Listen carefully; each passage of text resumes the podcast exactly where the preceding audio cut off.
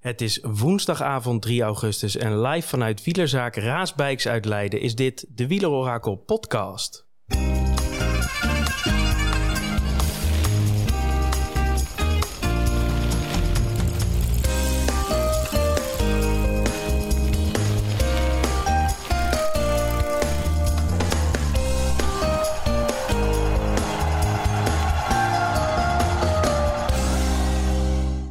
Voelt als een eeuwigheid geleden, Thomas, dat wij elkaar spraken. Want we hebben elkaar natuurlijk drie weken lang tijdens de Tour de France gesproken. En toen eventjes niet. Ben je, ben je al bekomen? Nou, ik was wel heel blij dat ik jou hier eh, vanavond aan zag komen lopen, Tom. Ja. Uh, het is echt wel even een gemis geweest. Elke avond uh, even, even naar elkaar kijken, even tegen elkaar praten over het wielrennen. Dat, uh, dat heb ik toch gemist de laatste weken. Ja, dat, uh, daar kan ik me alleen maar bij aansluiten. Hey, en je hoort het al, we zitten niet in, uh, in of, uh, of ergens anders waar we normaal altijd zitten, maar we zitten in wielerzaak Raas Bikes. Ja, kan je een beetje beschrijven wat je allemaal om je heen ziet? Ja, Bikes in Leiden. ik zie hier om me heen zie ik, zie ik natuurlijk, ja, ik zie jou zitten. Ik zie ook wat prachtige fietsen. Isaac fietsen zie ik staan. Trekfietsen. Echt pareltjes van fietsen. Ik zie publiek. Publiek, hè? Maar daar komen we misschien zo nog wel even... Ja, die, uh, die zit hier ook. Dat is ook weer even anders. Ja, en ik, we hebben ook nog een tv hangen op de achtergrond... en daar staan wat oude beelden van de Vuelta staan eraan. En ja, ik zie nu heel... Zacharine op kop. Dat is... Uh... Dat is wel een heel oud beeld dan. Ja, maar dat is dat, oud. Uh, ja, dat maakt het wel leuk en, toe, en, en uh, toepasselijk natuurlijk... bij de Vuelta waar we naartoe gaan leven. Nee, maar dit is weer zo'n zo, zo locatie. We waren natuurlijk hier in Utrecht dat ademde een beetje wielrennen. Maar ja, dat, was meer, dat was meer café dan, ja. uh, dan wielrennen. En dit is meer wielrennen dan café. Al zitten we dus wel in een soort van wieler uh, caféhoek in de, in de wielerzaak. Ja, ja ik zie het dus, mooi. Ik zit hier tussen de, de boeken van uh, Sagan, Thomas Dekker, Peter Winnen. nou, de, dus als, u hem even, als ik even afhaak, dan ben ik even een boekje aan het lezen. Ja. De rest hebben ze hier ook hele mooie fietsbrillen, kan ik zeggen. Ik ja, net, ik zag je al uitgebreid passen. Nou, ik, moest dus een, ik, ik, ga dus op vakantie naar de Alpen hè, de, volgende week. En ik wilde eigenlijk nog even een nieuwe fietsbril. En die heb ik hier uh, toch mooi op de kop weten. Op de kop, dus, een mooi prijsje. Al, ja, nou ja. Uh, hè, uh, mooie dingen kosten, kosten, kosten geld, Tom. En, maar ik zou iedereen aanraden, mochten ze nog op zoek zijn naar een, een wielerbril om te wielrennen. En ze zijn toevallig in Leiden. Futurum Shop. Ah. Nee, dat dus niet. Nee? Dat dus oh. niet. Ik, ik zie jullie de eerste ja, worden gelijk uitgehield. Ja, ja. Gaat helemaal verkeerd. Ja, um, spijks, hè? Hey, maar jij zegt vakantie. Uh, maar we hebben een quiz uh, op het programma staan. Hoe zit dat? Dat klopt. Uh, dan ben ik weer terug. Ik ah. een weekje weg naar La Plagne. Waar natuurlijk onze vriend Michael Bogert... Boogie grote succes heeft beleefd. Dus die ga ik herbeleven. Dus ik heb mijn gouden ketting mee. Ik doe mijn wielershirt open tot aan mijn, Tanden tot aan mijn knie. Ik uh, tandjes in de bleek en gaan. Uh, en maar, nou ja, het is wel leuk dat je het zegt. Want die zaterdag, zaterdag 13 augustus... hebben wij natuurlijk uh, de Wielerorakel Wielerquiz. In Scheltema Leiden. Ik ben er dus vanmiddag geweest. En nou ja, je hebt het volgens mij op Twitter gezet, hè? Ja, het ziet foto's doorgestuurd. Prachtig uit. Uh, hele mooie theaterzaal, waar ze dan uh, drie grote schermen hebben. En daar zetten we allemaal tafeltjes neer waar de, in, waar de verschillende teams dan aan kunnen zitten. En uh, ja, de presentatoren hebben een eigen podium. En nou, dat is gewoon een kwestie van vragen op de deelnemers afspuwen. En en gaan. Ja, het belooft, volgens mij wordt het echt een hele gezellige avond. Ja, we hebben al een mannetje of 100, hè? Ja, zeker. We zitten over de 100 man al. Dus uh, het wordt ook een gezellige drukte. Maar we kunnen er meer hebben. Ja, max uh, 200. Dan moeten we wel gaan oppassen. Ja, precies. Dan wordt het, wel, uh, dan wordt het heel gezellig. Maar, dan komt de brandweer van Leiden wel eventjes controleren. Maar er kan nog wat bij. Dus mocht je luisteren, ga naar de site en dan kun je... Uh, kun je je inschrijven. Ja, doe vooral mee. Het, weet je, naast uh, het feit dat het uh, vragen zijn om te beantwoorden, is het ook gewoon een avond vol gezelligheid. En uh, ja, toch met uh, meer dan 100 mensen die uh, een enorme passie hebben voor wielrennen bij elkaar. Ja, dat, dat kan alleen maar. Dat zijn hele mooie ingrediënten voor een, ja, voor een dolle avond. Kan alleen maar goed gaan. Hey, en we zitten hier natuurlijk met z'n tweeën, met het publiek. Maar we hebben ook een gast en dat is Martin Hoekstra. Ja, Goedenavond, Martin. Ja. Wat leuk dat je er bent. Ja, ontzettend leuk. Ook in het Leiden waar ik heb gestudeerd. Dus een beetje thuiskomen wel.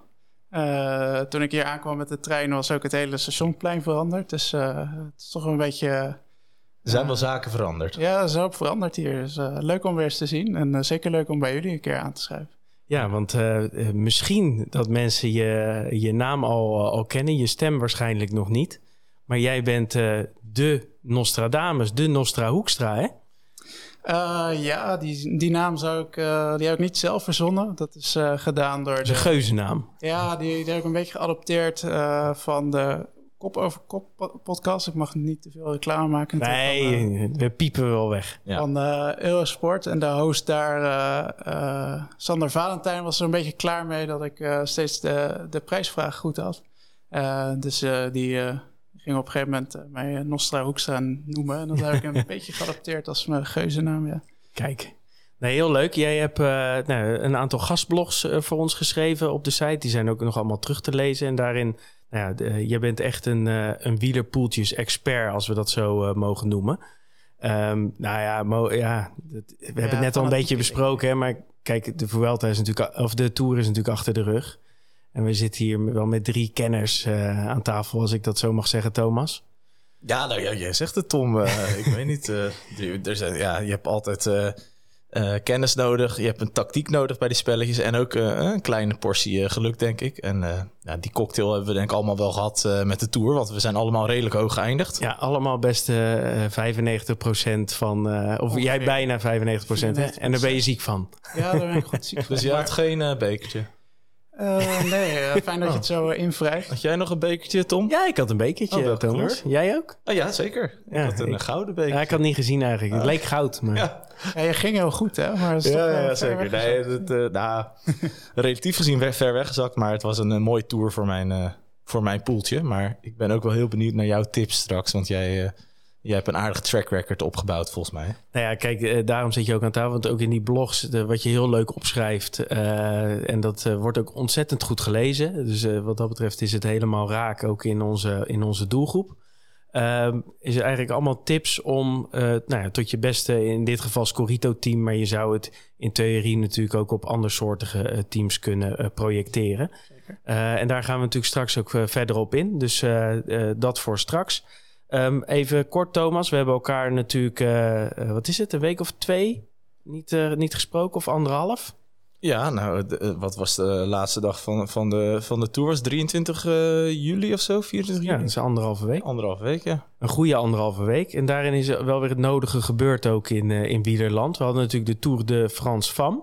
Ja. Uh, of, of beter misschien de Tour de Netherlands. wat ja, we... gewoon de Ronde van Frankrijk vrouwen. Voor Nederland, zeg maar. Want dit was natuurlijk een... Ja, het was, la, wel, la, vooropgesteld was het een, uh, een wedstrijd die echt goed in elkaar zat. qua, ja, het is hier komt die ene rit met al die, die rotsblokken waar ze omheen moesten. Ik weet niet of dat helemaal geslagen was, maar... Voor de rest was het voor, voor het vrouwenpeloton denk ik een passend, passend parcours. Een goede lengte van acht dagen. En voor ieder wat wils. Maar ja, de, de Nederlanders die stalen natuurlijk gigantisch de show daar. Ja, uh, Vos uh, natuurlijk in eerste instantie. Uh, Wiebes, hè, die, die verdeelde een beetje dat sprintgeweld. en dan had, je, had je Van Vleuten die zei van... Ah, ik voel me niet zo lekker. Beetje last van mijn maag. Beetje aan het Dumoulin. En uiteindelijk rijdt ze alles in de prak. Ja, dat deed ze wel slim om uh, eventjes geen interview te geven, niet te vertellen dat ze ziek was. Begin, hè? Ja, waardoor uh, de rest er niet onder druk zat in, op die dagen. En ik denk dat dat de Tour misschien wel heeft gered. Ja, zeker. En dat hebben die anderen hebben daar wel echt een... Zo'n SD Works, hè, met die, die, berensterk team. Vollering. Ja, maar die hebben daar niet optimaal van geprofiteerd. En de, nee, ook wel weer wat uitvallers, hè, met, uh, met ziekte en dergelijke. Uh, die Molmen, die, ja. uh, die was natuurlijk uitgevallen, wat wel een sterke pilaar was. Maar goed, de Van Vleuten was onnavolgbaar. jij als poeltjesman, Martin, vind je het jammer dat daar geen poeltjes voor zijn?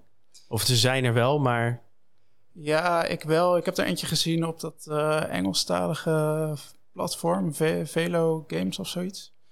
Um, ja, ik denk dat het misschien wel iets te voorspelbaar is voor een poeltje. Uh, zeker deze keer. Uh, ik, ik vind het wel jammer. Ik denk dat het misschien ook nog, nog wat meer leven in de brouwerij had kunnen brengen, bijvoorbeeld in Nederland. Maar uh, toen jullie bij Scorito zaten, heeft de CEO ook wel duidelijk uitgelegd dat het uh, misschien nog even tijd nodig heeft. Ja, de, de top is misschien nog wel te klein, hè? Precies. Er wordt zo'n Van Vleuten 23 miljoen en eh, Vos 25 miljoen. En dan eh, ja, Ja, dan, moet je het daarmee doen. ja, ik denk dat ook veel mensen misschien nog niet helemaal de diepte kennis hebben van het vrouwenwielrennen. Dat het lastiger is om zo'n poeltje in te vullen. Dat geldt in ieder geval voor mij, denk ik. Ja, zeker. Nee, je, je hebt natuurlijk de, de, de, precies wat je zegt. De top is wat, wat, wat smaller. Uh, dus ja, wie je dan uh, gaat kiezen, er zullen heel veel dezelfde teams komen allicht.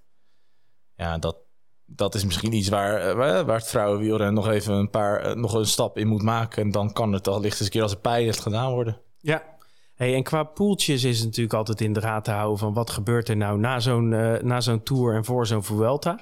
Want dat is natuurlijk waar we het straks over gaan hebben, over die uh, Scorito, uh, over het Scorito-team in de Vuelta. Um, los van de criteriums, want volgens mij zijn die uitslagen, ja, die kun je van tevoren kun je die invullen. hebben we Evenepoel wel een sterk nummertje zien, zien doen in San Sebastian? Niet normaal. Ja, dat was indrukwekkend. Nee, als die, weet je, Evenpoel, want uh, nou ja, dat denk ik natuurlijk bij Evenpoel wel vaker van uh, als hij zegt ik, uh, ik wil hier echt een resultaat rijden, dat hij dat ook doet. Maar dit was weer gewoon weer van meer dan 40 kilometer iedereen op een hoop gereden. Minuten, en ook Simon Yates, want die won die hele week won die in principe alles waar hij aan meedeed. Ja, die kon gewoon niet mee. En als hij Simon Yates op zo'n klim zo duidelijk lost, ja, dan ben je in ieder geval dan goed in vorm. Ja, hij zei ook dat hij nog niet zo licht uh, is geweest, hè? Nee, ja, klopt. Ik zag zelfs de... Je hebt altijd die... Um, ik kan die naam nooit uitspreken van die Ami... Uh, ja, Amito Piropira ja, Rally. Die op Twitter. die altijd de watjes per kilo uh, ja. uitrekent. En boven ik de volgens, zeven Ja, ik heb voor, volgens mij voor het eerst iets boven de zeven gezien. Ja. Uh, het is altijd, ja, weet je, het is altijd afhankelijk van kilo's. En als je de kilo's niet helemaal weet, dan denk ik, wat zegt het? Maar goed, het was in ieder geval een goede prestatie, uh, laat het zo ik zeggen. Ik denk dat ze daar een beetje met het oude gewicht hebben gewerkt. Uh, omdat hij zei dat hij lichter stond dan normaal. Uh, dus die 7 watt per kilo daarboven is misschien net iets te veel. Maar hij schijnt het ook in Noorwegen te hebben gedaan. Ja, dat had hij ook een hele goede. Het is alleen dan de vraag, ja, waar. Want het is nu, nou, het is nu 3 augustus en van het weekend was het uh, 31 juli, 30 juli toen hij dat deed.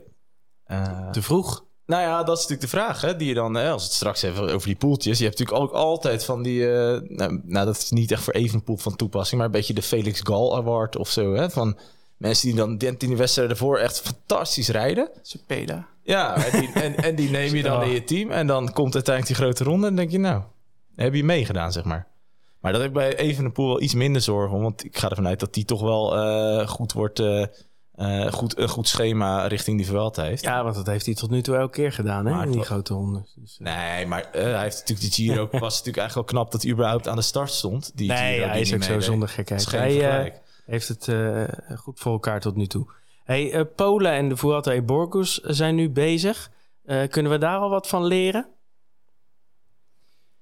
Ja, ik vond Landa tegenvallen. Daar had ik al gezien. Van Verder kwam binnen op achterstand. Ja, van verder was niet goed. Ja, uh, maar ja, ik weet ook niet of er daar iets specifiek is gebeurd, want ik heb die wedstrijden niet gezien. Maar nee. uh, ik denk dat uit de sprintritjes kun je misschien wel wat interessante dingetjes halen. Ja, Thijssen, uh, Thijssen gewonnen. Sprintertje van Wanti. An anderhalf. anderhalf miljoen. En Arndt werd vandaag vierde. Dat is typisch zo'n Vuelta sprint, sprinter. Die heeft ook al een keer een etappe gewonnen. Ook in de Giro volgens mij. En als hij als sprinter van uh, DSM naar de Vuelta gaat voor 750 miljoen, staat hij er nu in. Is dat uh, misschien alvast een mooie. Uh, Kijk, klein, klein tipje ja, van, de, van de sluier. Ja. We zagen trouwens nog even een 1, 2, 3'tje voor Jumbo. Maar dit was een bijzondere tactiek hè, die ze erop nalieten, Thomas. Je moet er wat voor over hebben. Ze hebben volgens mij David Dekker. Hè, die gaat toch weg volgend jaar. Dachten ze, nou ja, David, take one voor de team. Dus die is daar met 60 per uur is die over, een, over een of andere verkeersdrempel gevlogen valpartij, hele peloton op achterstand. Behalve de drie man die ervoor reden. Ja. En er waren toevallig drie jumbo's. Gek dat ze dat niet vaker doen eigenlijk, hè? Dat soort tactieken. Ja, ja ik ben benieuwd hoe je dat, uh, hoe je dat moet plannen. Maar het is, uh, ja... Je, ja, de, opofferingstactiek. Hè? Je hebt wel eens dat je hoort dat de knecht zich opoffert. Maar dit, uh, hier zal hij morgenochtend niet blij mee zijn dat hij zich zo heeft opgeofferd. Nee, en Dekker was notabene de kopman hè, vandaag. Dus die zou, had moeten sprinten. Ja, ja zeker. Nee, dus dat, uh, nou, maar goed, dus, hij was uh, redelijk oké, okay, begrepen. Ja, maar ook weer zo'n zo ronde van Polen. Hè? Daar heb je dan ook weer zo'n paar van die sprints. Akkerman won daar gisteren. Hè? Had je die gezien? Die rijdt dus een, een, een, een sprint en er zitten volgens mij zes bochten in de laatste 500 meter. Dat je denkt, Polen, hallo Polen, hebben we wat geleerd van uh, Jacobsen Groenewegen? Ze hadden natuurlijk altijd die, uh, die sprint in de afdaling. Leuk. Katowice. Ja. Die hebben ze eruit gehaald, hè, nu wel. Ja, dus nu dachten ze, nou oké, dan moeten ze niet te hard gaan. Dus doen we gewoon heel veel bochten. ja. Maar dit sloeg er echt helemaal nergens op. Ja, nu ook in Bourg was volgens mij uh, hadden ze weer een dalende lijn en losse dranghekken. Ja, nou, het ja, is, het is uh, ongelooflijk. Ook daar was het vallen, hè? Kooi op achterstand. Uh, nou ja, tot nu toe uh, niet heel veel. Hey, even heel kort, er zijn ook 1 augustus, hè, dat is in het wielrennen altijd dat de transfers eindelijk officieel bekend mogen zijn. Um, wat zijn de, de opvallendste die, die jij hebt voorbij zien komen, Thomas? Ehm, nou, wat ik opvallend vond is dat, dat Jumbo en Alpecin, dat zijn toch een beetje de, de Nederlandse, een beetje de beste Nederlandse ploegen dan, met DSM. Die doen het eigenlijk best aardig, vind ik. Uh, Jumbo heeft uh, natuurlijk Van Baarle gehaald. Kelderman. Maar ook een uh, Jan Tratnik en Valter. Dat zijn wel leuke namen. Maar ook Alpecin. En dat vind ik echt leuk. Die hebben Krach Andersen gehaald. Quinten Hermans. En Kaden Groves van Bike Exchange. En dat ja. zijn wel echt wel hele leuke rennetjes die ze daar... Goede sprinter. Ja, maar omdat ze ook... Weet je, het, is natuurlijk, het was allemaal van, van, de pool, van de pool all over the place.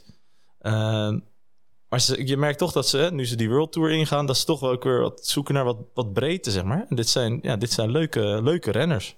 Ja, en het is natuurlijk, uh, Groves gaat naar Alpecin en dat is ook één op één omdat Merlier vertrekt. Hè? Ja. Die gaat naar, uh, naar Quickstep. Uh, ook Jan Hiert, toch een mooi Giro-pareltje.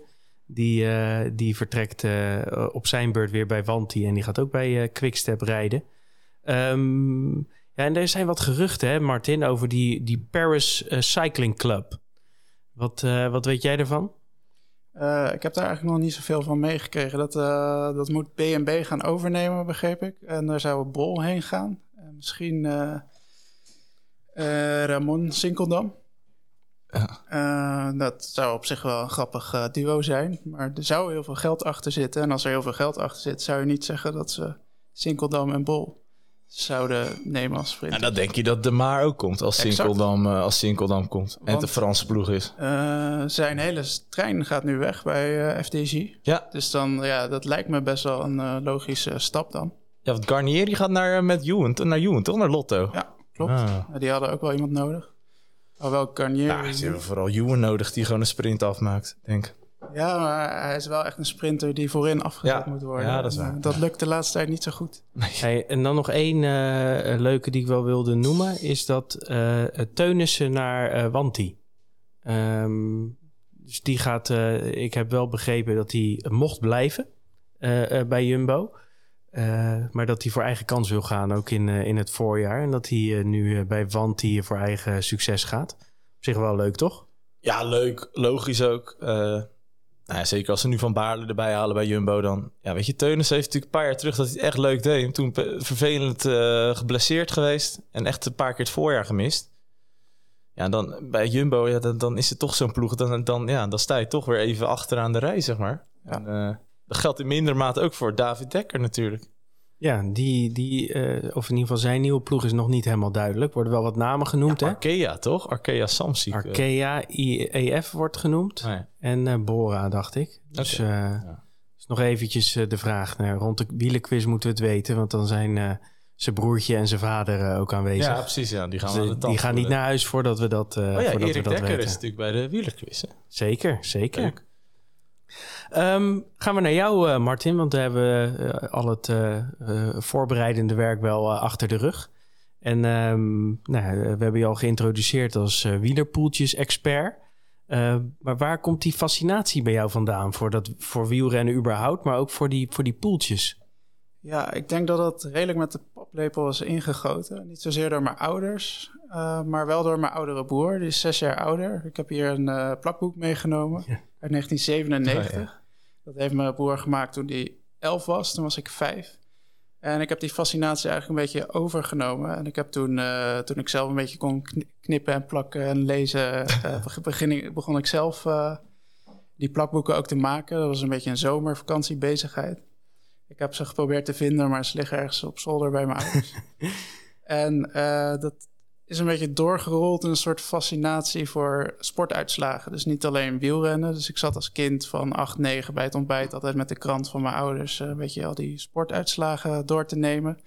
En uh, ik wist precies welke sport bij welk nummertje op teletext hoorde. Ja, keurig. En, uh, Voetbal, Nederland Eredivisie. Dat was toen 650, later 666 en nu uh, 818. Kijk, we hebben echt een kenner in huis, jongens. ja. En, Goeie, uh, even, soms even testen, hè? Of ja, ja, even, ik kan ja. er van alles beweren hier, maar even... Ja, heel goed. Nou, dat was ook niet de moeilijkste, denk ik. Um, nee. Maar uh, ik denk dat ik toen ik een jaar of twaalf was... een beetje erachter kwam dat er allemaal van die wielerpoeltjes bestonden op internet. En uh, toen bleek die een beetje gekke fascinatie voor uitslagen, sportuitslagen... opeens een hele handige vaardigheid. En toen ging ik met mijn broer die spelletjes spelen. En toen kwamen we er eigenlijk best wel goed uitrollen.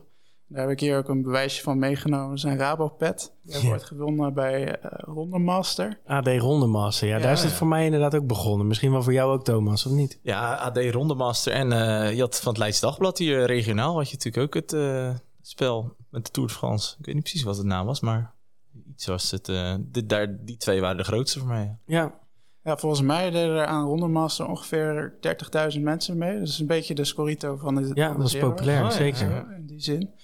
Uh, het AD zat er natuurlijk ook achter en de Rabobank volgens mij. Dus die promoten dat wel. En wij zijn toen in 2006 een keer 50 geworden van de 30.000. En uh, toen kregen we die pet. En we hadden nog een tweede team, dat werd 30ste. We bestierden die teams eigenlijk een beetje met z'n tweeën zo. en um, ja, daar is wel mijn uh, wielerpoeltjes fascinatie geëscaleerd, om het zo te zeggen. Volledig geëscaleerd. Ja, dat is, uh, dat is wel gebleken uit uh, die blog. Als ik hem zo uit heb geprint, dan is het ook wel echt een flinke papierbak, zeg maar. Ja, maar je combineert dat natuurlijk, want je vertelde net ook voor de uitzending dat je geschiedenis studeert, uh, of gestudeerd hebt ja. in, uh, in Leiden. Dus uh, je combineert dat natuurlijk met, je bent ook een boek aan het schrijven. Klopt. Dus je, je combineert dat met je kunde om te kunnen schrijven. Ja, te kunnen schrijven. En ik denk ook wel dat ik heb geleerd om goed bromonderzoek te doen bij de studie geschiedenis. En dat helpt heel erg volgens mij bij Scorito. Zeker als je wil weten wat ambities van renners zijn en van teams en de, de verhoudingen binnen teams. En dan moet je soms toch best wel diep duiken. En ja, dat heb ik wel geleerd, denk ik.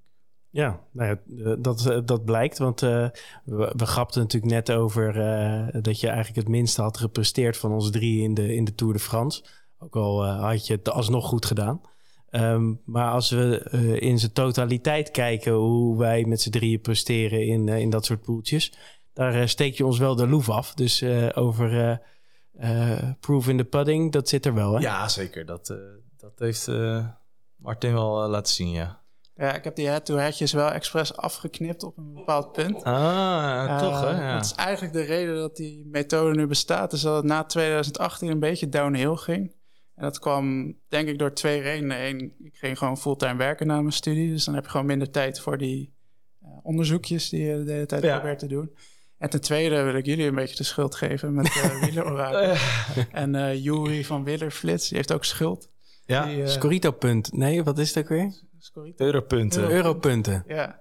Uh, het is natuurlijk wel zo dat de laatste tijd, als er een keer een paaltje is, dan wordt hij toch door vrij veel fanatieke spelers hier wel opgepikt, omdat hij overal op internet... al die podcasts luisteren ook en al die tips krijgen, ja.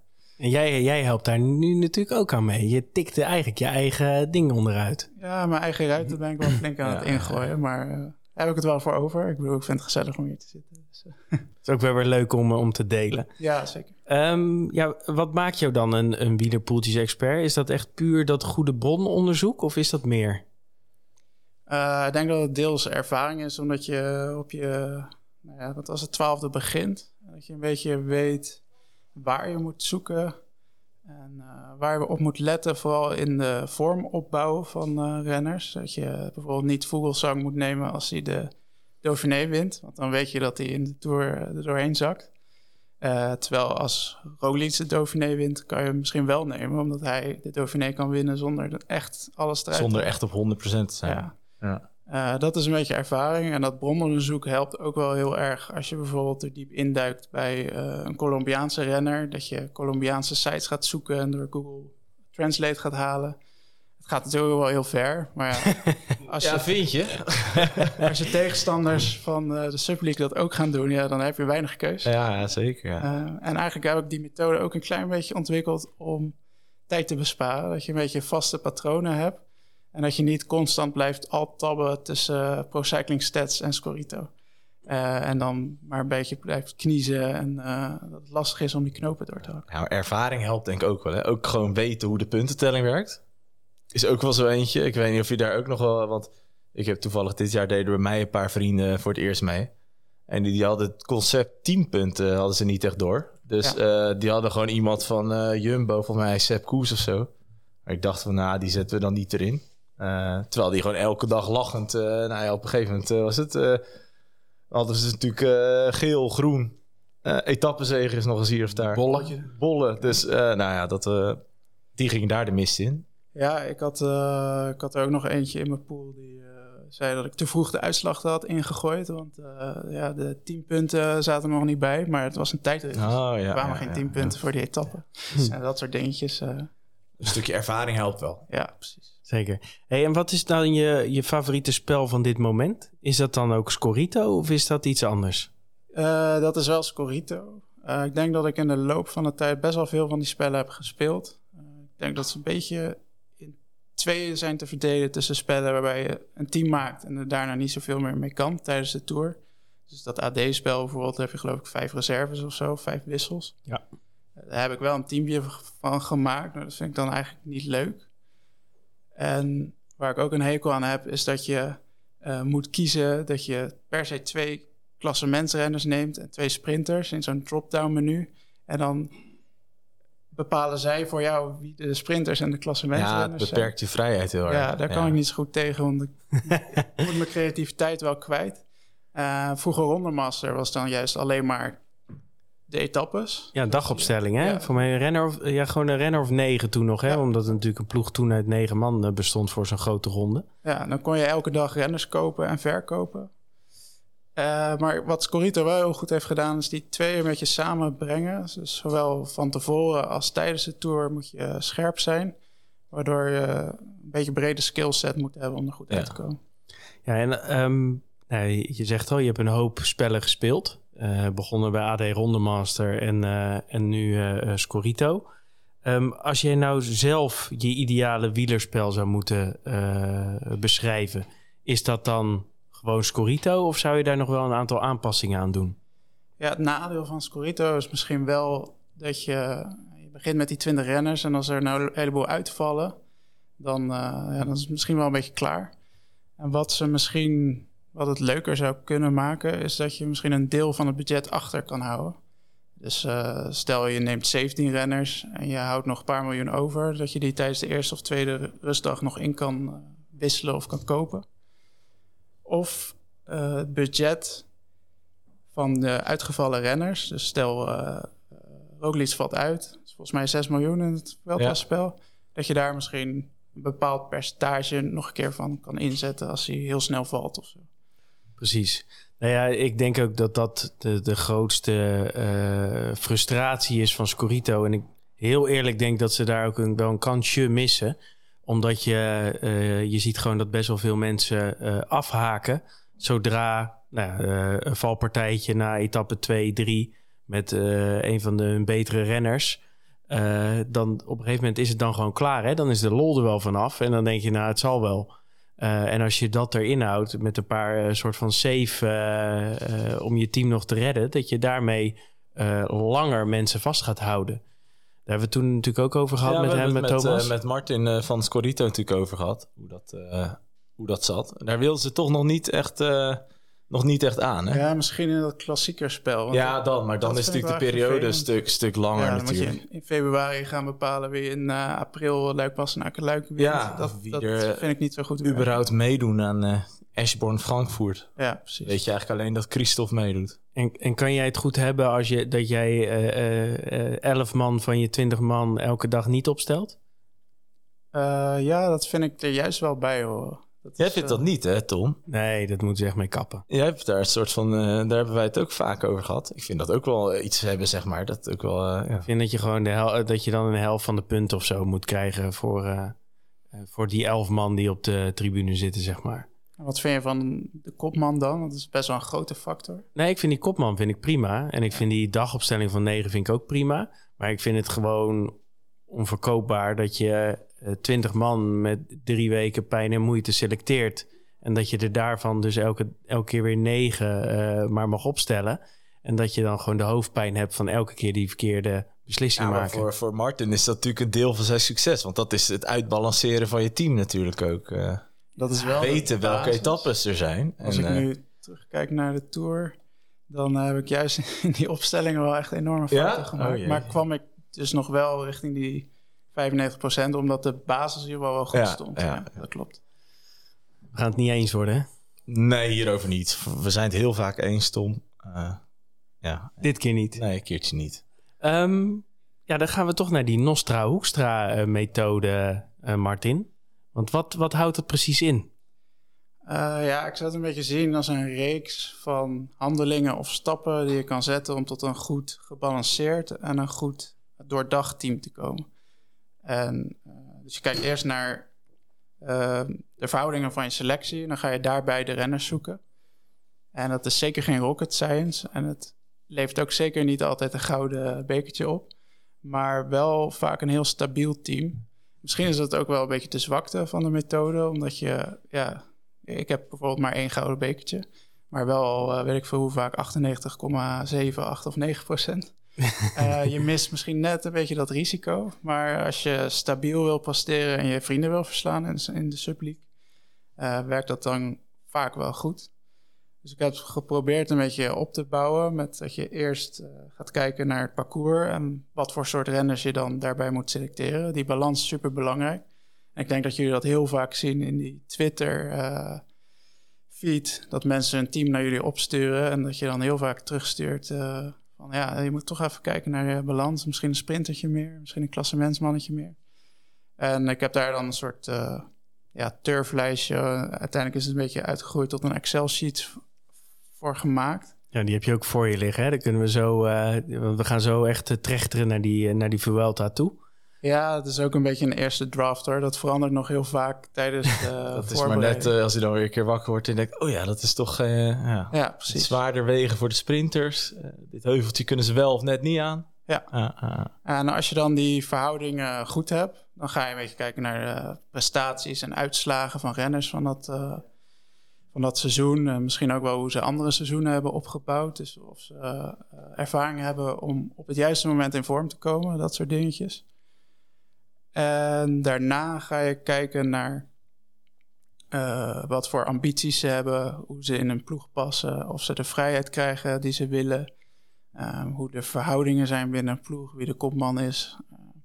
dat soort zaken. Dus meer de menselijke kant. Waar je in de stap daarvoor meer naar de harde cijfers kijkt. En dat, dat, uh, dat vind je vaak dus of inderdaad in de interviews hè, met die renners... of in de, in de persberichten van de ploegen, hè, als ze de ploegen bekendmaken. Ja, dat verschilt vaak per ploeg. Soms zijn ze heel duidelijk van... Uh, dit is onze kopman, deze mensen gaan hem helpen... deze krijgt vrijheid, dit is de lead-out, dat is de sprinter. En soms uh, ja, geven ze juist heel weinig informatie en dan moet je gaan zoeken. Ja, dat is zo irritant altijd als je dan twee van die sprinters hebt... en dat ze zeggen, nou ja we gaan kijken eh, wie dan de goede benen heeft. Etappe per etappe. Ja, DSM in, uh, in de Giro met Bol en Dainese. Dat was irritant. Daardoor had ik Dainese niet. Ja. Want ik dacht, ja, als ze om en om gaan rijden, dan heb je er niks aan. En dat had ik dus verkeerd gezien. Maar... Ja, dat is het risico. Ja. Ja, soms uh, je moet ook heel erg kijken naar zandstrooien. Zoals uh, Van Vleuten in de vrouwentour. Die zei, die zei eigenlijk niks over dat ze ziek was. Of Frances de Jeu voor de Tour. Daar heb ik me enorm aan geërgerd dat uh, Marc Madio zat te verkondigen dat iedereen voor Godu zou rijden. Nou ja, je weet allemaal dat Pinot daar weinig zin in heeft. Dus die zag je toch wel elke dag proberen in die uh, ontsnapping te komen. Ja, de Stor en Kung, die, uh, die deden natuurlijk wel flink voor, voor dinges rijden. Ja, precies in de etappe dat hij wel in de ontsnapping zat. Ja dat is allemaal voor de... Speciaal voor jou, eh, Martin. Ja, dankjewel. Het is toch wel een lekker deuntje. Ja, toch? Maar uh, ja, precies die etappe dat hij dus wel in de ontsnapping zat. Toen uh, liep hij te verkondigen, ja, ik voel me toch niet zo heel goed, want ik heb corona gehad. En ik ga vandaag het team helpen. Ja, toen zat hij er dus wel bij. Dat, is, dat zijn van die dingen, ja, daar kan je weinig aan doen. Ja, zo'n Bardet, eh, Ja. die, die zijn natuurlijk van, eh nou, voor mij geen klassement. En dan vervolgens wel proberen. Ja, dat, eh, misschien hadden we dat een klein beetje kunnen weten. Hij, hij was bang voor die, eh, voor die eerste week. Ehm, maar ja, te veel druk hè, voor Bardet. Ja, ja, daar kan hij niet zo goed tegen. Ik denk dat, hij goed, dat het goed is dat hij weg is gegaan bij die Franse ploeg. Dat zie je ook nu wel in zijn uitslagen. Maar omdat hij vorig jaar in de Vuelta juist wel zo'n aanvallende rol had... en eh, bijna de bergtrui won. Volgens mij werd hij in de laatste bergetappe door Store eruit gereden. Is het- Ja, zijn teamgenootje toch? Die gingen dan met z'n tweeën in de aanval. eh, ja, precies. ja. En toen won hij ook een etappe. Dus ik dacht, misschien vond hij dat leuk. Ja. En eh, gaat hij dat nog een keer proberen. Maar eh, ja, blijkbaar niet. En dan kan ik me wel altijd ergeren als mensen dan wel Bardet hebben... en bij de hand gaan doen van, ja, heb je Bardet niet? Ah, ja. er zaten een paar mensen als Subliek waarschijnlijk die toch Bardet hadden genomen. Eh, misschien wel een paar. Ja, ja. Maar eh, ja, nee, over het algemeen weinig mensen Bardet hebben genomen deze Tour, toch? Was ook duur. Ja. 3 miljoen hè? Ja? is ook leuk hè, dat je nog die bedragen weet. Ja, van, eh, precies. Dat blijft wel even bij. Zeker Ja, zo duur als eh, Quintana ja was. precies. Ja, ja, daarom. ah, niet genomen. Nee, Romaan. Nog steeds, nog steeds pijnlijk. Ehm zandstrooien was je gebleven? Eh, ja, en ik denk dat eh, de laatste stap is eh, ook een beetje diepteonderzoek naar pareltjes in de, in de selecties. Eh, Zo'n Arndt, zoals ik die net noemde. Maar eigenlijk is een pareltje nog leuker als hij een superlage pickrate heeft. Dus dan moet je een beetje in dit geval de Spaanse teams gaan zoeken naar een sprintertje van de tweede lijn. Of eh, iemand die eh, toevallig tien of elfde werd tijdens de Klassica deze eh, Oh, Zo. zaterdag. Nou, kijk even rond. Ik ga niet iemand die het direct eh, noemt, maar we doen hier wat eh, research. Ga eens even opzoeken. We zoeken het even op. Maar dat zijn, eh, dat zijn wel goede tips, ja. Dus eigenlijk een padel, ja, wat een padel is, is eigenlijk iemand die, die je zelf wel hebt, maar niet, niet iedereen. Want je hebt natuurlijk ook wel eens eh, zo'n CP daar vorig jaar voor de Giro. Ja, dat precies. noemen ze dan een pareltje, maar uiteindelijk had iedereen hem bijna. Adria? Zou kunnen. Hm. Eh, ik vind wel dat een paaltje moet goedkoop zijn. Hij moet een relatief onbekend zijn en een laag pickrate hebben. Ja. Ik denk dat dat wel een beetje de drie dingen zijn die het... Ja, is ook weer overigens wel jammer dat ze dat niet laten zien hè, in Scorito, die pick rate. Ja, dat kan je soms wel, Wel, zien. wel achteraf Ja, wel. achteraf wel, maar van tevoren bijvoorbeeld niet. Nee, maar dat, dat is op zich wel logisch. Ken spellen? Ja, maar dan heb je altijd, eh, dan, dan kunnen mensen gewoon gaan kijken wie is de meest gekozen. En eh, Ja, oké, maar dat past natuurlijk nooit in je budget allemaal. Dus zou op zich nog wel een leuke toevoeging zijn. Hè? nou, misschien als we Scorito met- nog een keer eh, spreken. Eh, Adria dus. Adria, schrijf hem op. Ik zeg Ja. niks. Ehm, dus dat is, dat is het in, eh in grove lijnen, hè? En als we nu eh, nou ja, die methode dus ook gaan, gaan toepassen op de Vuelta... want dat is natuurlijk ook waar, waar de eerste... eh, of waar de mensen ook eh, eh, voor luisteren hoofdzakelijk... is van, nou help me nou alsjeblieft om, dat, om die subleague te winnen met mijn vrienden... want dan kan ik weer eventjes de hele winter het binky zijn. Ehm, ja, waar, waar moeten we beginnen? Bij de verhoudingen? Ja, dat is absoluut denk ik cruciaal. Als je verhoudingen niet goed zijn, dan kan je denk ik nooit echt winnen. Zelfs als je grotendeels goede renners neemt. Ik heb ook heel vaak in mijn subleagues gehad dat mensen halverwege best wel dik bovenaan stonden. Omdat ze goede sprinters hadden en eh, goede tijdrijders. En dan in die derde week zakken ze totaal weg. En zeker ook met de eindpunten. Eh, was deze keer ook weer trouwens. Ehm, dus ik denk dat dat cruciaal is om daar te beginnen. En dan begin je natuurlijk met een parcoursanalyse. Ja. Zoals eh, Thomas altijd mooi geeft in de voorbeschouwing. Ja, wel, jij vindt het wel mooi dus. Want ik, hoor, ik krijg heel vaak commentaar erop. Hè, dat het allemaal te, te lang duurt en zo. Maar ik vind het Nou, fijn dat, eh, dat vind jij het cruciaal. ja. Ik, ja, Kan jou niet lang genoeg duren? ik zie iedereen hier ook eh, instemmend knikken, Tom. Dus misschien dat die vogelvlucht toch... eh, Nee, ja, ze knikte zo in slaap. Dat oh, was dat het is... zo. Ja, ja, ja. Dat was het. Kijk, ik, ik heb het liefst het percentages per klim. En dat Ja, nee, precies. Ja, heerlijk. Ja. vind ik ook. Kan je gewoon bij wegdromen. Ja. Het, eh, parcours, de verhouding in vogelvlucht, eh, Martin. ja, zoals ik het nu heb ingevuld. En ik heb daar alweer wat kanttekeningen bij. Want ik zat te kijken naar volgens mij etappe 9. Dat is eh, een soort finish op een muur. Echt een loeisteile muur. 4 kilometer, ah, 13% gemiddeld. Ja, dat is wel uh, eigenlijk iets voor alle Philippe bijvoorbeeld. En ik heb daar nu nul staan bij heuvelspecialisten, dus dat is in ieder geval niet goed. Uh, maar als ik even ga kijken naar hoe ik het nu heb ingevuld, dan kom je uit op vijf sprinters, drie heuvelspecialisten, uh, zes klassementsmannen, drie klimgeiten voor in de bergen, één uh, allround aanvaller, één tijdrijder en één teamgenoot van een team waarvan je verwacht dat ze het goed gaan doen. Dat komt deels door die ploegentijdrit en ook wel deels omdat tijdens de Tour wel echt bizar veel teampunten werden gescoord. Uh, daarom heb ik voor het eerst nu dat teamkolommetje uh, ingevuld. Want ik zat ook te kijken, als je derde wordt in die ploegentijdrit, heb je 28 punten. Dat is hetzelfde als zevende worden in een etappe ja. als individu. Nou, dan kan je voor een goedkope ploeggenoot van een van de teams waarvan je verwacht dat ze de ploegtijd het goed gaan rijden, kan je al best wel halverwege zijn het aantal punten wat ze nodig hebben. Ja, zeker. Ja, deze Tour was het heel extreem 10 punten. Met name natuurlijk ook doordat in Jumbo natuurlijk al die truien pakte. Maar als je keek naar Scorito-punten... Je, uh, uh, Laporte stond gigantisch hoog. Ja, Koes stond gigantisch hoog. Maar ook Van Hooijdonk en een Benoot stonden ook gewoon uh, top, top 10 of top 15. Dus. Ja, en Van Hooijdonk stapte nog af. ja, ja precies. Ja. Ja. ja, dus ik, ik heb nu als een soort test voor het eerst dat teamkolommetje bijgevuld. En wat ik normaal dan altijd als disclaimer zeg is aanvallers zijn lastig voor Scorito, want je moet ze precies op het goede moment opstellen dat ze in die vlucht zitten. Dus meestal een vlakke aanvaller, als dat eruit komt, zou ik die overhevelen tot sprinter. En meestal ook bergaanvallers inruilen voor klassementsmannen, die dan uiteindelijk misschien ook wel weer aanvaller worden als het niet zo goed gaat. Precies. De Louis Mijntjes uh, van deze wereld. Exact. Alleen, uh, ik zat even te kijken in de Vuelta van vorig jaar. Volgens mij waren er toen acht keer, uh, was acht keer iemand vanuit de vroegte vlucht dat hij won. Ja. Drie keer kort, twee keer store.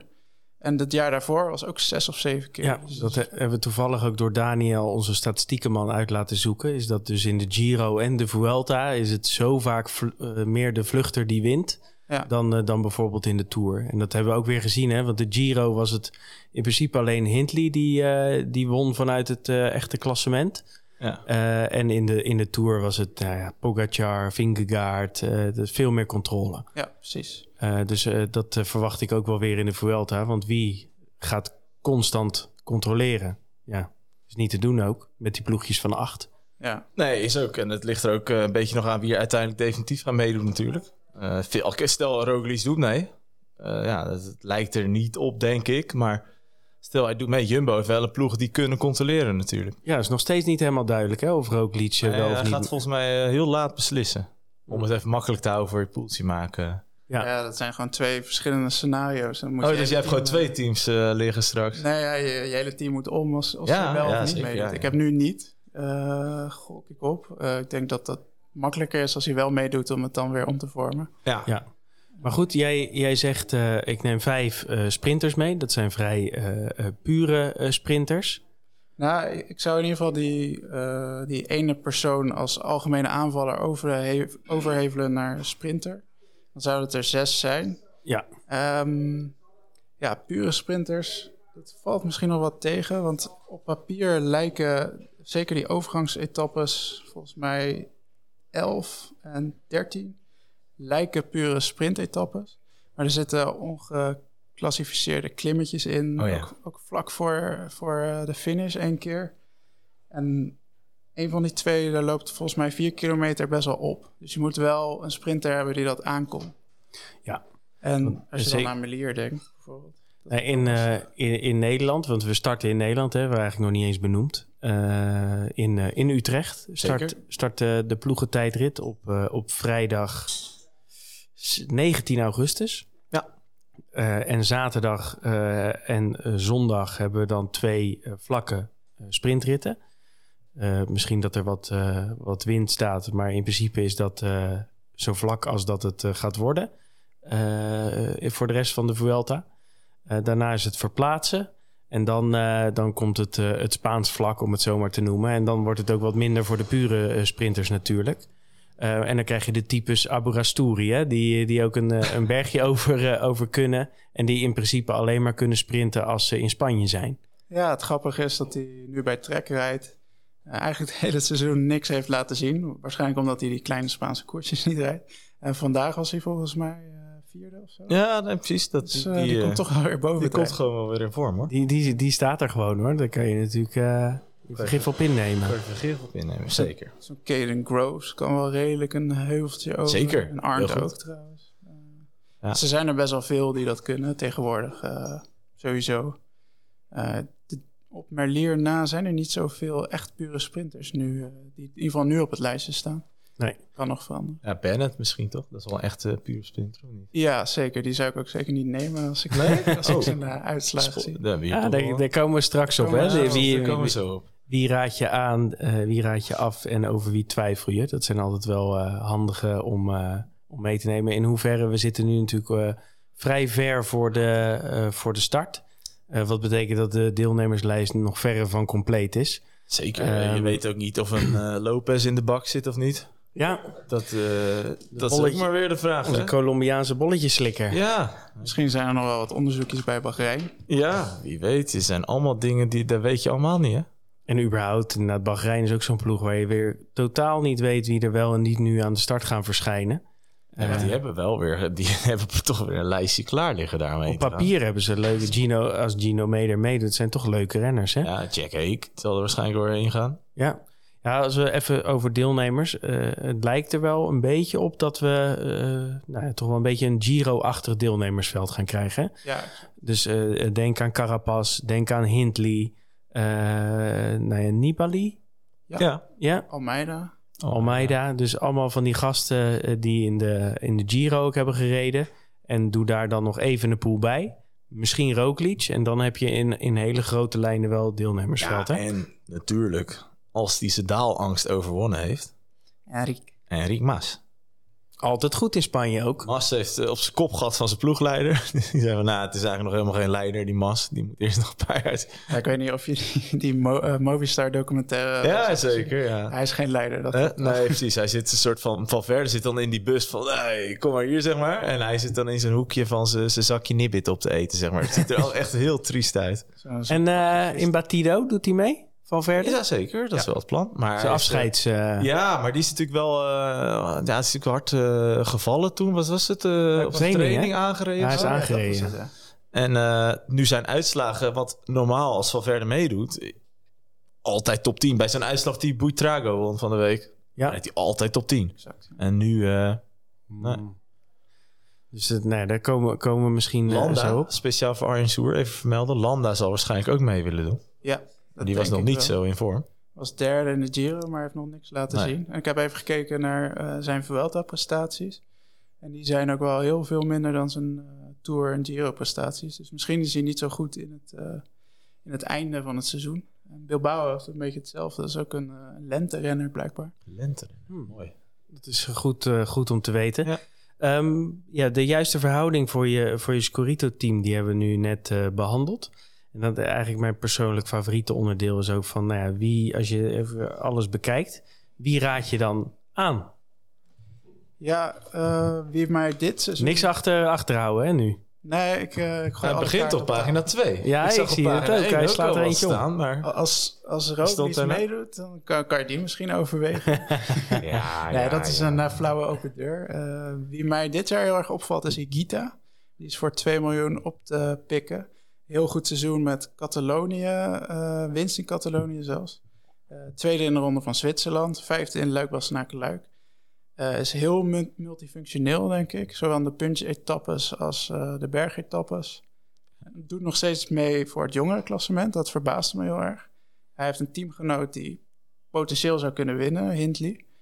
En, Kelderman? Ja. Wie weet? Uh, als hij uh, op zijn fiets blijft zitten. Ja, heb hier, uh, Daniel, heeft jou hier Daniel betaald voor om dit te vermelden? Nee, Tom. maar vandaag of gisteren lag hij er weer bij, hè? Ja. En Hindley ook trouwens. Oh, dat, dat wist ik niet. Dankjewel ja. voor dat. maar, maar niet... Uh, sowieso 2 miljoen is, is koop je als hij gewoon op zijn fiets blijft en meedoet. Ja, mega multi-inzetbaar. Ja, zeker. En sprint ook altijd mee. Dat is ook altijd lekker bij dat soort Zeker. Poeltjes. En eh, ja, het enige zorgje dat ik heb is dat nu die heeft gewonnen in Polen, dat hij misschien te vroeg piekt. Ja. Waar we het eerder over hebben. Dat als je piekt tijdens zo'n voorbereidingskoers, dat je dan niet, Nee. niet top bent tijdens het hoofddoel. Eh, hij heeft ook wel eerder een goede Vuelta gereden. Ook een etappe gewonnen eh, in zijn debuut in een grote ronde, volgens mij. Dat is ook altijd wel iets waar ik naar kijk bij de Vuelta, omdat het zo laat in het seizoen is. En ja, sommige renners hebben het daar niet zo op, heb ik het idee. Warm. Ja, ook. Kan hij ook wel goed tegen. Aankomst op hoogte is natuurlijk een Colombiaan. Dan komt hij volgens mij uit Medellin, wat niet zo hoog ligt. Maar eh, Daar hebben ze wel andere mooie dingen. Ja, Medellin, wit Ja. goud. Ja. Lopez. Hè? Precies. ja. daar heb ik nog een eh, Giro-traumaatje aan. Dus eh, laat die maar zitten. Ja, da- daar kan ik me bij aansluiten. Higita dus. Eh, Ja, er wordt hier eh, driftig mee ges- eh, geschreven door het, door het publiek. Ja. Dus eh, hij, is, hij is zojuist in alle poeltjes aangetikt. Het is Nee. gewoon geen pareltje meer. Nee. Ik reed van piekt hij wel 100% in deze Raasbikes studio. Nou ja, wat je ook kan doen, eh, wat Thomas natuurlijk tijdens de Tour heeft gedaan. Die heeft allemaal renners opgenoemd die hij uiteindelijk toch niet in zijn eigen, in, in zijn eigen poeltje nam. Dus dat is natuurlijk ook een tactiek. andersom. Oh ja, Ik zei een paar renners die ik niet zou nemen. Die heb je volgens wel genomen. Dat is toch even erg, of niet? Ja, maar dat, eh, er zit gewoon de disclaimer op. Dat het gewoon... Ja, het is niet direct van tevoren. Dus daarom hebben we nu ook de afspraak gemaakt natuurlijk. Hè, dat we ook eh, de dag van tevoren een, eh, een herijking van de, van de must-haves en don't-haves zouden doen. Ja. Dat, ge- dat gold voor eh Geraint Thomas volgens mij bij de Tour. En voor Peter Sagan, hè, die oude sluwe Peter. ja. Die had ik toen gezegd dat ik, die, dat ik die niet zou nemen. Dat dacht ik toen ook oprecht. Het erg is dat ze het dan ook nog heel goed doen, hè? Ja, Ja. dat is gewoon heel vies. Matthews. Dus dat is nog niet vergeten. Ja, Matthews, dat is altijd een van mijn favorieten. Die heb ik alleen één keer niet opgesteld. Dat was jammer. Higita, wie heb je nog meer? Eh, ik, zag, ik zat te denken aan Ethan Hater. Hij won dit jaar al vijf etappes in eh rittenkoersen. Eh, twee keer de puntentrui, viel me ook op. In eh, de kopie Bartali en Romandie. Hij heeft een sprint, een punch en een tijdrit. Ehm, ja, er staat op mijn lijstje één tijdrijder. Maar als je bijvoorbeeld Evenepoel en Hater neemt... is misschien die ene tijdrijder, specialist in ieder geval niet nodig. Ehm, dus ook zo'n super multifunctionele eh, man... Heeft ook een potentiële Vuelta-winnaar in zijn team met K-Pas. Eh, misschien is Ineos ook wel een van de favorieten voor de ploegentijdrit in Utrecht. En hij is ook nog een jongere. Dus ook weer zo iemand die op heel veel vlakken zou kunnen scoren. Ehm, Er stond nog op de longlist ook voor de Tour, maar daar, eh, daar mocht hij uiteindelijk niet eh, naartoe. Of zelfs op de shortlist, maar eh, hij was een van de laatste afvallers. Ja. Eh, al neem ik aan dat ze hem altijd al wel in de Vuelta wilde, wilde uitspelen. Ja, het lijkt me wel. Hij, hij reed een hele goede Dauphiné volgens mij, waar hij meestal tweede werd achter Van Ja, ja precies. Ja. Ja. En toen zei hij op het einde dat hij ook wel een beetje moe was en eh, een klein beetje klaar mee was en toe was aan vakantie. Dus Ja. ik denk dat hij toen ook al wist dat hij de Vuelta ging rijden. Toen hebben ze toch Pitcock maar gestuurd. ja, Ja. dat... eh, Met resultaten. Ja. Helaas? ja, ik, ook eh, zo'n ik ben in, eh, ik heb eh, Kamp Tom ben ik in de, Oh, deze jee. discussie. In de Pitcock-discussie. Kijk, Eh, we kunnen hem vaak het, uitnodigen, die Martin. ja, zeker. Nou, het dan blijf ik thuis. spel was het echt een drama. Nee, maar ja, kijk, nee, klopt. Dat, dat klopt. Hoor. als je van poeltjes spelen houdt, dan heb je gewoon een hekel aan Pitcock. Ja, ja, tenzij je hem deze tour had. Ja, dat wel. Christian eh, Rodriguez. Die, eh, heet die Christian Rodriguez? Ja, toch? Carlos. Carlos, sorry. Christian Christian, is die van, Carlito. van energie, tot energie. Die haal ik al door elkaar. Dat is ook een hele leuke renner, vind ik, van Ineos. Ja, 1 miljoen. Ja? Eh, dat is best wel goedkoop voor hem, denk ik. Eh Sluwe Vos ook al, op een jonge Dat leeftijd. is echt heel jong, die gozer. Ja, hij won een etappe, ik weet niet meer precies waar, Catalonië of Baskeland of zo, waarbij hij met zijn medevluchter gewoon in zijn wiel bleef zitten en op Ja? het laatste die Ja. etappe won. Dus hij heeft het, eh, de X-factor wel een beetje, vind ik. Maar die vond ik heel goedkoop voornamelijk. Ja, ik ook. Want Ook het was wel een, eh, eh, een jongen natuurlijk. En, en ook het Carapas misschien, Ja, dat hij daarop kan meeliften. En maar ook gewoon echt oprecht een goede klimmer. Ja, go- goed in stijle stukken ook. ja. Die je genoeg hebt in Spanje. Ja. van die extreem steile Ja, reed, beklimmingen. reed hij niet in de Strade Bianche toen achter Pogacar aan nog eh poosje, of niet? Dat dacht ik. Ja. Dus dat zo was hij, hè? Ja, hij heeft een goed voorjaar gereden. De strade ook, Ja? dacht ik. Ja, ja, ja. Nou, die zag ik dus staan en ik dacht, hé, hey, leuke. Maar Heter ook. Maar Heter was dan weer, eh, even kijken, 2,5 miljoen. 2,5. Ja. Ja. Eh, dus heel Ineos, dat is ongeveer wat we nu, eh, aan het bespreken zijn. Ja. Nou ja, het kan Twee goed renners. uitpakken, net als in de... Mag Met niet, hè? Zitten, je mag maar maximaal vier renners van één team met Ja. Ook wel logisch. Oké, mooie keus. Heter. Ja, ik heb ook wel twijfelgevalletjes. En dan denk ik vooral aan eh, Eddie Evenepoel. Oh, die. Omdat hij geniale dingen afwisselt met eh, vrij diepe inzinkingen. Nou ja, we hebben zo'n geniaal ding net besproken. En je moet hem, denk ik, niet nemen als klassementstopper. Eh dus als je hem overweegt, moet je hem, denk ik, als allround renner meenemen.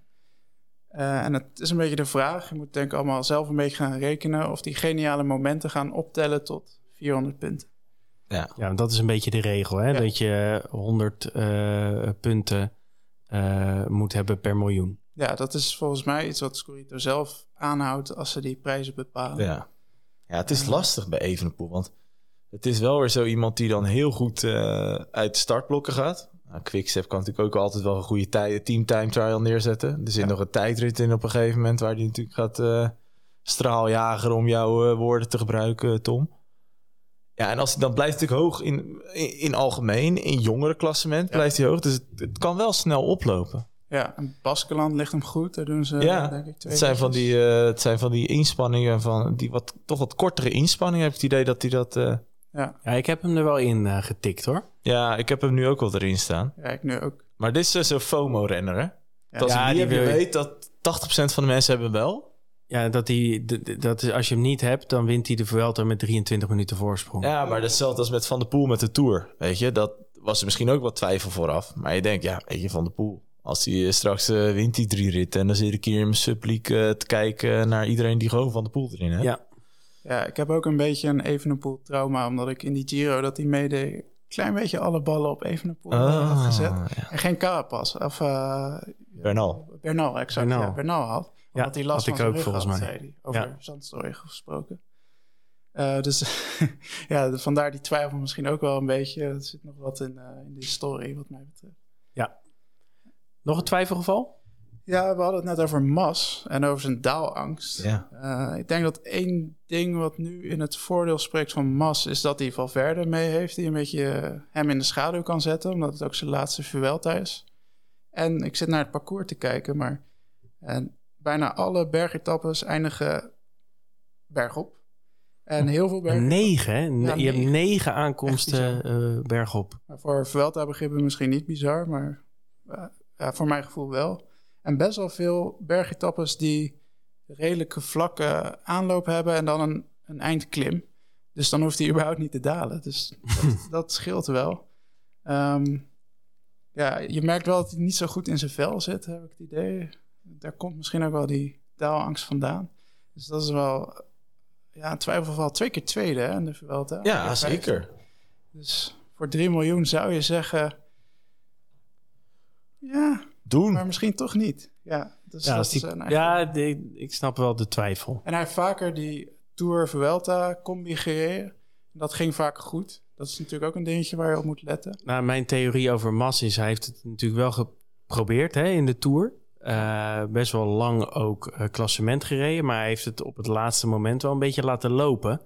Ja. Eh, is hij ook best wel weggezakt hè, in, het, in het klassement. Hij is uitgestapt. hij heeft corona, had Ja. hij. Oh ja, nou, zeg ik toch. Hij heeft Hij helemaal laten dag lopen. was hij in de aanval. En toen verloor hij in de afdaling verloor hij, eh, twee minuten of zo Ja. op, eh, op die groep. Maar toen, toen kwam hij nog niet heel ver achterbin. Want hij stond volgens mij top 10, tiende, elfde in het klassement Ja, of zo. Ja, ineens was hij weg. Maar ik heb dus ook hij bij dus hem corona. altijd dan het idee van... eh, hij denkt, ja, laat maar zitten. Ik ga wel voor de Vuelta. En eh, ik geloof het wel. Deze ga- ronde ga ik niet winnen. Ik ben twee keer tweede geworden in Spanje. We gaan ervoor. Dus jij zegt doen. Ik zeg eh, mas, mas, mas. Ja, mooi. Hij lijkt wel altijd te pieken een beetje naar die Vuelta. En Mobistar heeft ook wel puntjes nodig hoor. Ze moeten Ja, Ja. dat speelt ook mee. Ja. gaan Ze moeten. in de Vuelta. Heb je nog meer opgeschreven? Ja, je hebt zeker meer opgeschreven. Maar Eh, ja, dat Dat zijn zeg ik. de- dat het misschien het hoofdstuk 2 van, de- van zijn boek hier ligt. Het is echt eh, heel veel staat hier. Hoor. Dit zijn alweer de no-go's. De no-go's, ja, oké. Heb je nog iets van een sprinter of zo waar jij zegt, die moet je sowieso nemen? Nou, ik zat heel erg te twijfelen over sprinters. Want die eerste twee eh sprintetappes is Merlier een hele logische kopman. Ja. Maar ja, zodra het een beetje gaat golven, dan eh, ben je hem waarschijnlijk kwijt. Ja. ik was eh, positief verrast over Akkerman. Die had een heel Ja. slecht seizoen. En nu in Polen komt hij er opeens weer bovenop. En dat is ook zo'n Vuelta-sprinter die dus al vaker in de Vuelta-etappes heeft gewonnen. En dit was ook zijn vijfde rit in Polen. Dus blijkbaar is hij heel goed in augustus of zo. Nou, want Akkerman die, eh, die had toen die, die Vuelta dat hij tegen Bennett denk ik de hele tijd aan het sprinten was. Ja, Was ook voor de puntenterrein al spannend. Toen werd Bennett een keer gedisqualificeerd. Toen won Akkerman en Ja. toen was het een soort van beslist. alleen de vraag is of ehm, zijn ploeg een goede lead-out trein gaat meesturen. Want die hebben ook nog wel klassementsambities. Ja. Hij heeft nu Molano mee. En, Ah, die beuk zich meestal wel doorheen, ja, dat, toch? dat Dus zie je maar eens te volgen, Molano, die vuurpijl. Die mag vorig jaar voor zichzelf gaan, volgens mij. Dat deed Ja? nog wel aardig. Een soort babypijl. Ja, maar ook als hij niet voor zichzelf mag gaan, gaat hij voor zichzelf Ja. volgens mij, Molano. Ja. Dat is een bijzondere. Maar wie, eh, wie niet? Oh ja, Eh. Jack Hake had ik Oeh. in gedachten. Dat is toch wel de nummer drie van vorig jaar. Ja? Dus je zou zeggen, misschien moet je die overwegen. Maar ik zag een statistiek dat hij eh, van zijn laatste vier grote rondes... heeft hij alleen die ene Vuelta daadwerkelijk uitgereden. Dus hij valt heel vaak uit. En dat is ook iets waar je op moet letten. Dat is nog een dingetje in die balans van je team. Je moet dus niet Jack Hake en Yates en Lopez en zo Allemaal van die Ja, brokkenpiloten. precies. Daar moet je wel op letten dat je in ieder geval veel renners hebt die hem daadwerkelijk kunnen uitrijden. Ehm, hij, hij brak volgens mij zijn pols in de Tour. En daarna heeft hij ook niks meer gereden. Dus het is lastig om in te schatten ook eh, hoe hij ervoor staat. Nou, we hebben het hele Bahrein-verhaal gehad, eh, wat helemaal niet lekker ging in de, in de Tour. Ook al wel, Trago heeft nu alweer een etappe gewonnen. Ja. Misschien als hij meedoet wel interessant. Zeker. hij is heel jong nog, dus ik weet niet of ze hem een tweede grote ronde laten rijden. Ehm, maar ik, ja, ik vind het echt een groot risico, Jack Hake voor 3 miljoen. Ja. Eh, dus die neem ik in ieder geval niet. Ehm, en sowieso twijfel ik over veel renners van Bahrein. Eh, wat ik net zei, Landa en Bilbao zijn een beetje lenterenners. Ehm ja, als Butrago meedoet misschien. Uh, Meder is nog wel een interessante, was vorig jaar denk ik vierde. En eh, een gegadigde voor het jonge klassement. Ja, en die heeft uiteindelijk de Giro niet gereden, omdat hij ziek was, hè? Corona. Eh, hij van tevoren. Tour Tour, toch? Ja, Of de Tour. Oh ja, de Tour, ja. Daar heeft hij niet gereden omdat hij eh, eh, ziek was vlak daarvoor. Ja. En toen was hij niet voldoende hersteld. Klopt, Ja. ja. Eh, maar Meder vind ik inderdaad wel interessant. Ik weet niet hoeveel eh, europuntjes die is, maar eh 2,5 eh, miljoen. 2,5. Maar kan hoor. Kan wel. Is die jongere nog? volgens mij wel. Ja, hij is, wel, hij is niet oud. Even kijken, zal ik dat, kan ik dat voor jullie opzoeken? Ik ben Kan je van vast mee. wel. Mag nog net meedoen aan het jongerenklassement. Nou, Vorig jaar won hij hem, hè? interessant. We hebben een hoop jongeren in ieder geval. Nee, maar dat is wel interessant. De jongeren heb je nu best veel. Je hebt, eh, je hebt eh, Evenepoel hebben we het over gehad. Igita hebben we het over gehad. Almeida rijdt natuurlijk voor de jongeren. Meder. McNulty. Echt best wel veel renners. Terwijl bij de Tour was het eigenlijk een soort van... eh, ja, het meest kansloze klassement ooit. Pogacar. Pogacar eh, en dan een uur erachter Pitcock. Ja, Ja, McNulty volgens mij. McNulty is McNulty nog. derde op eh, nog meer. En eh Jurgensen of zo. Ja, maar ja, dat je denkt, oké, dat slaat. Maar die, Nee. nu is de strijd om de jongere trui is wel leuk. Het is ook Ja. leuk dat ze hem weer hebben. Want die hebben ze niet altijd gehad in Spanje. hè? Is dat de eerste combinatietrui? Ja, dat Gingen was ook ze, wel... gingen ze een beetje tellen van eh, wie het hoogst in het algemeen berg- en eh sprintklassement stond. Ja, dat was ook wel apart, omdat het sprintklassement was toen natuurlijk... Ja, alle ritten dezelfde ja, punten. precies. Dus dan Ja. had je daar dezelfde renners Ja. en in het bergklassement. En Ja, dus dat- ook in het combinatie. Dat was natuurlijk gewoon stiekem alleen maar voor Valverde in het leven Ja. geroepen. En voor eh, Rodriguez, deze Ja. trui. Dat is toch mooi. Joaquin, Purito. Burrito, ja, Ja. Die, eh, die had zich, eh, die, die, had, die, die, die overweegt nog een terugkeer als hij die finish ziet van die rit waar we het net Ja. over hadden. 4 kilometer aan 13 procent. Ja, dat denk ik ook. Ja, dat was altijd wel een van mijn favorietjes. Ja, dat is mooi hè? Ja, was dat een mooie. Hey, heb je er verder nog op je lijstje staan? Ja, ik noemde hem net al, eh, Sam Bennett. Oh ja. Uh, laat het hele seizoen nog niet zoveel zien. Hij was natuurlijk vorig jaar in het voorjaar super goed. En daarna kreeg hij last van zijn knie, dan wel ruzie met eh Petje, eh, Padlef. Ja. wat lef. En eh, daarna is het behoorlijk bergafwaarts gegaan. En ik dacht, nou ja, hij gaat naar Bora, dat komt wel weer goed. Hij heeft volgens mij Esborn Ja, dat was wel schijnig. gewonnen. Die won Ja. Ehm, dat kwam mede wel door Van Poppel. Die gaat denk ik niet de Vuelta rijden. En ik hoop eigenlijk dat ze gewoon voor Meeuws gaan. Ja, Die kan namelijk wel eh, een, eh, een heuveltje over ook. Eh, voor die eh, etappe 11 en 13 is dat wel interessanter denk ik dan Bennett. En ja, Bennett voor 3 miljoen met deze, deze benen van de Deze twijfelachtige vorm gewoon niet Ja. doen. En volgens mij noemden jullie hem ook als no-go voor de Tour destijds. Ja. En dat heeft Bora toen netjes overgenomen. Dus misschien... eh, Ja, die belde nog of, ze of, of dat nou echt zo was. Ja. Eh, Ralf Denk. Ja, ze hebben ook een podcast. hè. Ja, precies. En we hebben natuurlijk, nou, jij, jij hebt ze nu toch eh, jouw lijstje gehad, hè? We hebben natuurlijk weer Simon Yates erop staan, hè? 3,5 miljoen staat hij weer. We hebben volgens mij eh, iets gezegd eh, na de Giro dat we hem niet meer zouden nemen. maar ja, nu was hij toch wel stiekem wel weer aardig in vorm van de week. Beetje vroeg, hè? Ja, dat wel. Maar ja, gevaarlijk. het blijft. Ja, dat is eh, weer zo'n kop, eh, kopzorg. Ja, Simon Yates. Zeker, ja. ja. Hey, en wij gaan voor de eh Vuelta, de, de, de zondag na de eh wielerquiz. Dus eh 14 augustus hebben wij de, de Scorito tips voorbeschouwing op het programma staan. Dus dan gaan wij ook onze laatste tips en dergelijke delen. Ehm, ja, dat wordt nou, iets specifieker in de zin van dat we ook de, waarschijnlijk in ieder geval eh, beter inzicht hebben in de, in de deelnemerslijst. Eh, nu, nu kan het zomaar zijn dat er nog eentje afvalt of eentje bij komt. Eh, noem een Roglic, wat vrij essentieel is natuurlijk voor, voor het geheel. Ehm, ja, hoe vond je je podcastdebuut? Ja, ik vond het gezellig met jullie. het klikte wel volgens mij. En ik kon wel een beetje vertellen wat ik hoopte te kunnen vertellen. Dat is ook belangrijk. Ja, je hebt nu echt eh naam gemaakt. Hè? Nu, eh, ik ben benieuwd of je nog eh, veilig over straat kan. eh. Ja, de volgende stap is eh, ook naar RTL 4, denk ik. Ja, Eh, nou, Roberto. ja. Ik zal eens een lijntje voor je, voor je ja, uitgooien. Ja, precies, ja. Wie weet. eh, dat Nou ja, heel tof eh, dat je er was. Eh, heel tof dat je nou, ook allemaal spullen hebt meegenomen. En dat je all the way from Pijnakker eh, hier naartoe bent gekomen. En ook eh leuke de blogs die je tot nu toe hebt gemaakt. En voor de tour heb je natuurlijk ook een dagboekje eh bij, of dagboekje, dagboekje. een dagboek Ja, eh, bijgehouden met eh, nou ja, eens in de zoveel dagen een update over je, je struggles. Eh, misschien dat we ook nog wel zoiets gaan doen met Vuelta. Daar hebben we het nog niet over gehad, maar eh, eh, misschien is dat wel leuk. ja, misschien een iets korter format nog. Ja, bijvoorbeeld.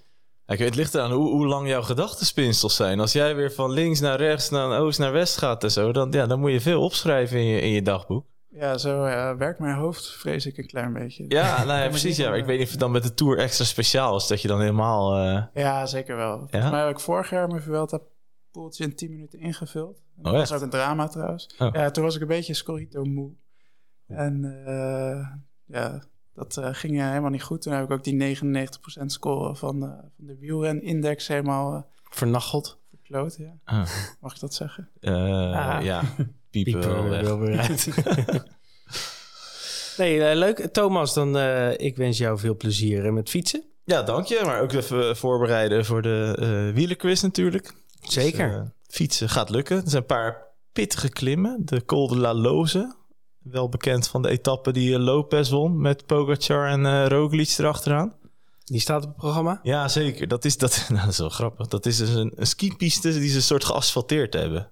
Nou ja, je weet hoe skipistes een beetje gaan. Het is, het is onregelmatig als... nou, ja, ik heb die beelden nog eens gezien van die etappe. En dan zag ik Pogacar en Roglic, die gingen al niet vooruit. Nou ja, laat staan dat Thomas Vetsloot met zijn 90 kilo daar eh, omhoog gaat klimmen. Ja, dat wordt, eh, Ja, dat wordt mooi. Iseran zit erbij, ook een mooi klim. En La Plagne dus. La Plagne en Tienje, dat zit er ook. En misschien dat we daar nog wat Jumbo-mensen tegenkomen. Want die zitten daar altijd natuurlijk op trainingskamp. Hè? Dus dat zou leuk zijn. Dus eh, veel naar uit te kijken. Maar ik denk dat we ook nog wel tussendoor misschien eh, wat ruimte hebben voor een klein biertje en een barbecue zo her of ter. Gokken, dat hoort er ook een beetje ja, bij. dat hoort er zeker bij. Hey, en eh, dank uh, Raaspijks dat we hier uh, mochten zijn met de, met de podcast. Het publiek heeft het uitgezeten. Ik ja, weet... ze zitten er nog allemaal volgens mij. Ja, dus dat ze is, zijn nog... Ze zijn, kijk eens, kijk eens. Ze zijn nog wakker ook. Ja. Dus dat, dat gaat de goede kant op. We ja. hebben weer een mooi, mooi uurtje gevuld. En nou, ik zeg tot bij de wielerquiz, tot bij de Vuelta podcast en tot later.